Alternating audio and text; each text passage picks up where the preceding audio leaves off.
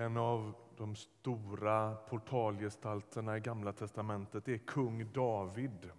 Och ni vet, han är kung, han är militärstrateg, men han är också poet och bedjare. Och han har skrivit kanske åtminstone hälften av eh, saltarsalmerna. Alltså saltaren för dig som är ovan bibelläsare är den stora bön och sångboken i mitten av Bibeln. Och han skriver i en av sina allra mest älskade saltasalmer, den som har nummer 139, eh, om tilliten och liksom, eh, tryggheten i tron. Och Det är som att den där texten är märkt av förundran. Hela tonläget handlar om förundran. Lyssna på de här slitstarka orden. De är ungefär 3000 år gamla. Jag läser från psalm 139. Av David, en psalm. Herre, du utransakar mig och känner mig. Om jag står eller sitter vet du det. Fast du är långt borta vet du vad jag tänker. Om jag går eller ligger ser du det. Du är förtrogen med allt jag gör. Innan ordet är på min tunga vet du, Herre, allt jag vill säga. Du omger mig på alla sidor. Jag är helt i din hand. Den kunskapen är för djup för mig. Den övergår mitt förstånd. Var skulle jag kunna komma undan din närhet? Vart skulle jag fly för din blick? Stiger jag upp till himlen finns du där. Lägger jag mig i dödsriket är du också där. Tog jag morgonrodnadens vingar, gick jag till vila ytterst i havet, då skulle du nå mig även där och gripa mig med din hand. Om jag säger mörker må täcka mig, ljuset omkring mig blir natt, så är inte mörkret mörkt för dig. Natten är ljus som dagen, själva mörkret är ljus. För David verkar det vara ofattbart och väldigt tjusigt. Gud är alltid seende.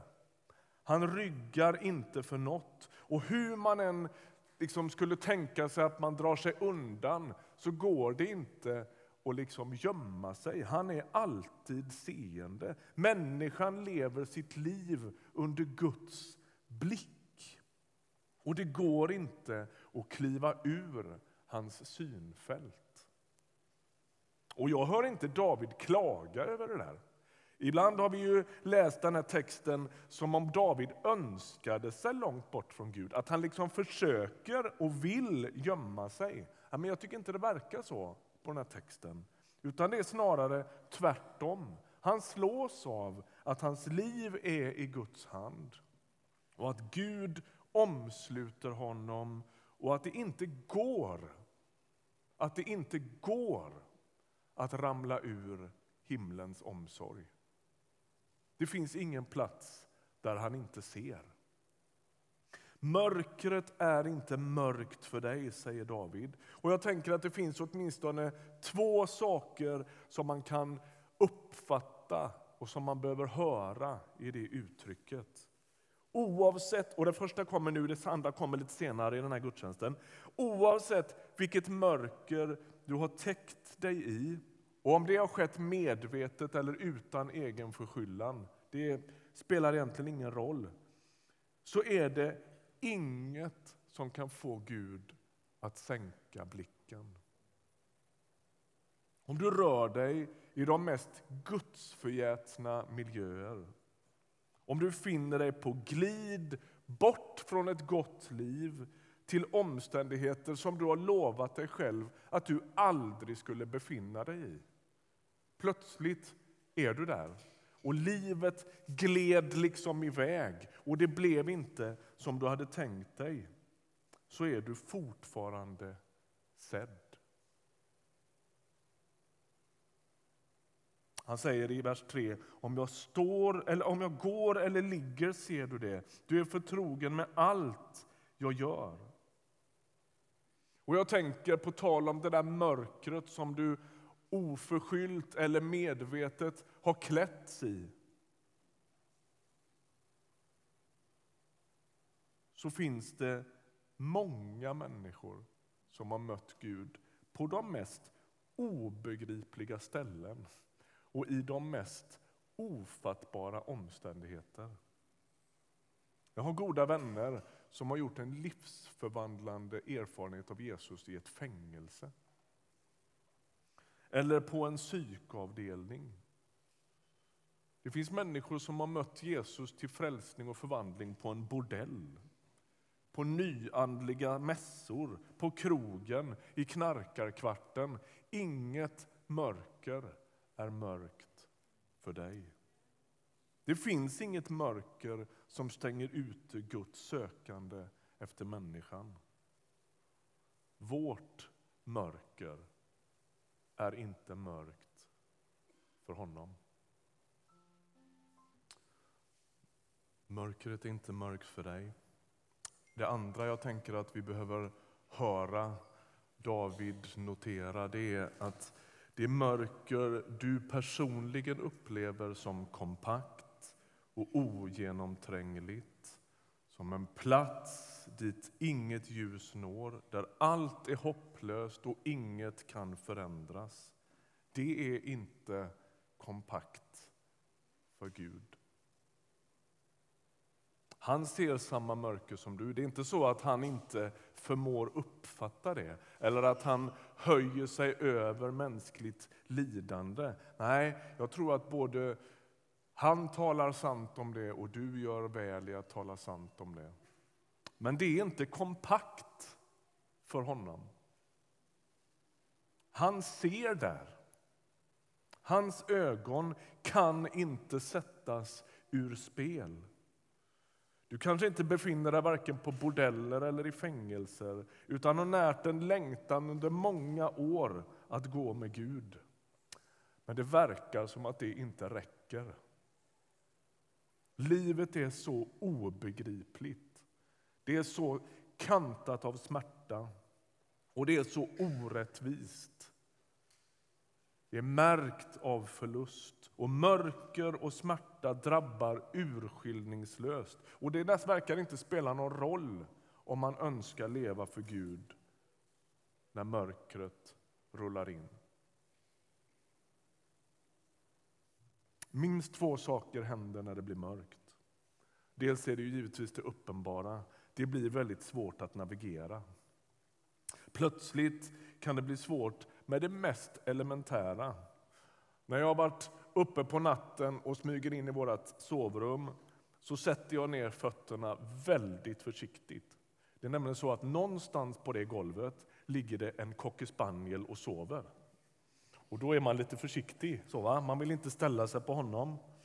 Um. Och dessutom noterar jag ganska ofta, fast jag varit i det där sovrummet varje dag i tio år, att jag tror att jag vet var jag är, men jag vet inte var jag är. Har ni varit med om det? Man tänker nu är jag vid sängen, nu sätter jag mig ner. Och så är man inte det.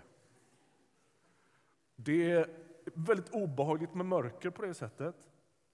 Man är flera meter därifrån. Det är helt enkelt väldigt svårt med navigering i mörker. Man går rätt lätt bort sig. Och det andra det är ju att man då och då blir rädd.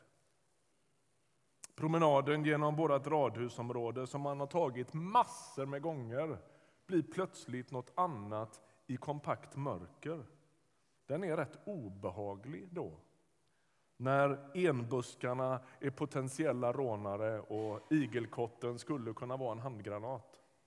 Ni vet hur mörkret spelar spratt med våra sinnen. Jag går inte runt och tänker det, men ni fattar. När David noterar att mörkret inte är mörkt för Gud så är det djupt, djupt trösterikt.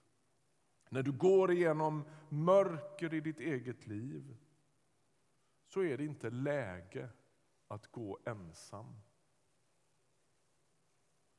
Bind ditt liv vid honom som kan navigera i mörker. Håll honom i handen som hittar på de mest förfärliga stigar.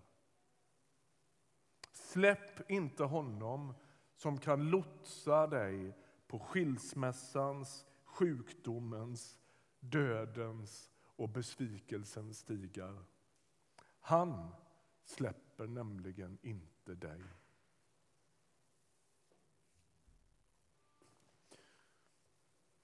Du har mitt liv i din hand.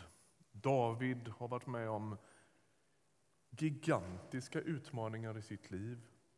Han föds in i en familj som vi ändå måste betrakta som dysfunktionell. Ni vet profeten Samuel, han kommer till Davids familj, till Davids pappa. Och avsikten är att smörja en ny kung eftersom kung Saul ska bytas ut kan man säga.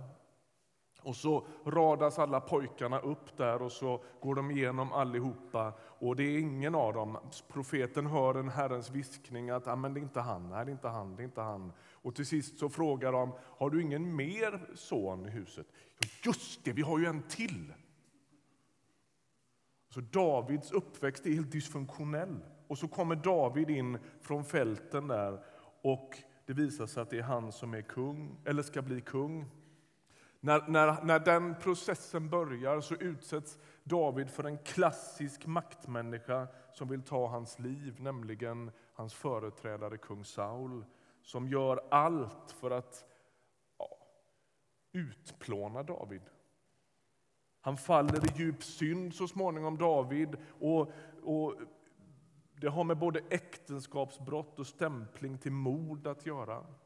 Sent i livet så reser sig hans egen son Absalom upp emot honom och försöker störta honom från tronen. Ja, ni hör, det är inte så att David kan säga det här lite kaxigt, ja men Gud tar hand om våra liv, därför att det har varit så enkelt. Det har varit rätt stökigt på alla möjliga olika sätt. Hur sammanfattar han sitt liv? Gud har hållit sin hand över honom. Gud har hållit sin hand runt honom.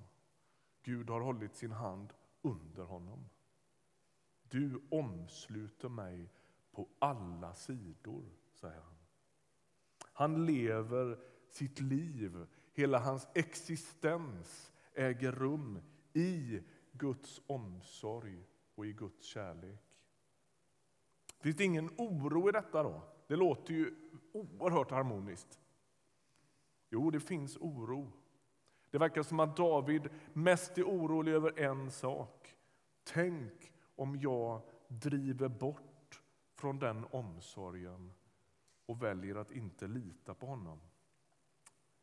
Det är nämligen så att ju äldre jag blir så litar jag på Gud men allt mindre på mitt eget hjärta hjärta. Och därför avslutar han den här salmen, psalm 139, med en innerlig bön som jag tänker att också vi gör klokt i att stämma in i.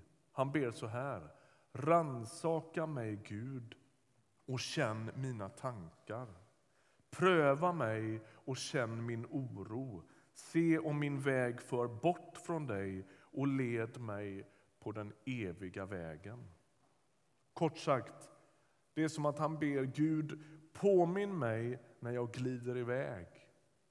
Du behöver hålla mycket hårdare i mig än jag förmår hålla i dig. Jag bär inte dig, Gud. Ditt liv kan omöjligen vara i min hand men mitt liv måste få vara i ditt och i din hand.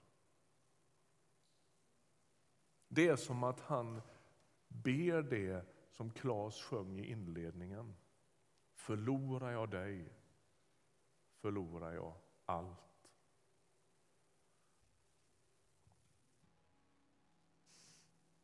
Låt oss be tillsammans. Herre, vi tackar dig för att du är ljus och inget mörker finns i dig. Tack att din blick är så skarp ditt synfält är så vitt, så brett att ingen kan falla ur det. Vi tackar dig Jesus för att du är här och vi tackar dig för att du vill röra vid våra liv. För att du talar in i våra liv om din godhet och din barmhärtighet. Hjälp oss att ta emot. Amen.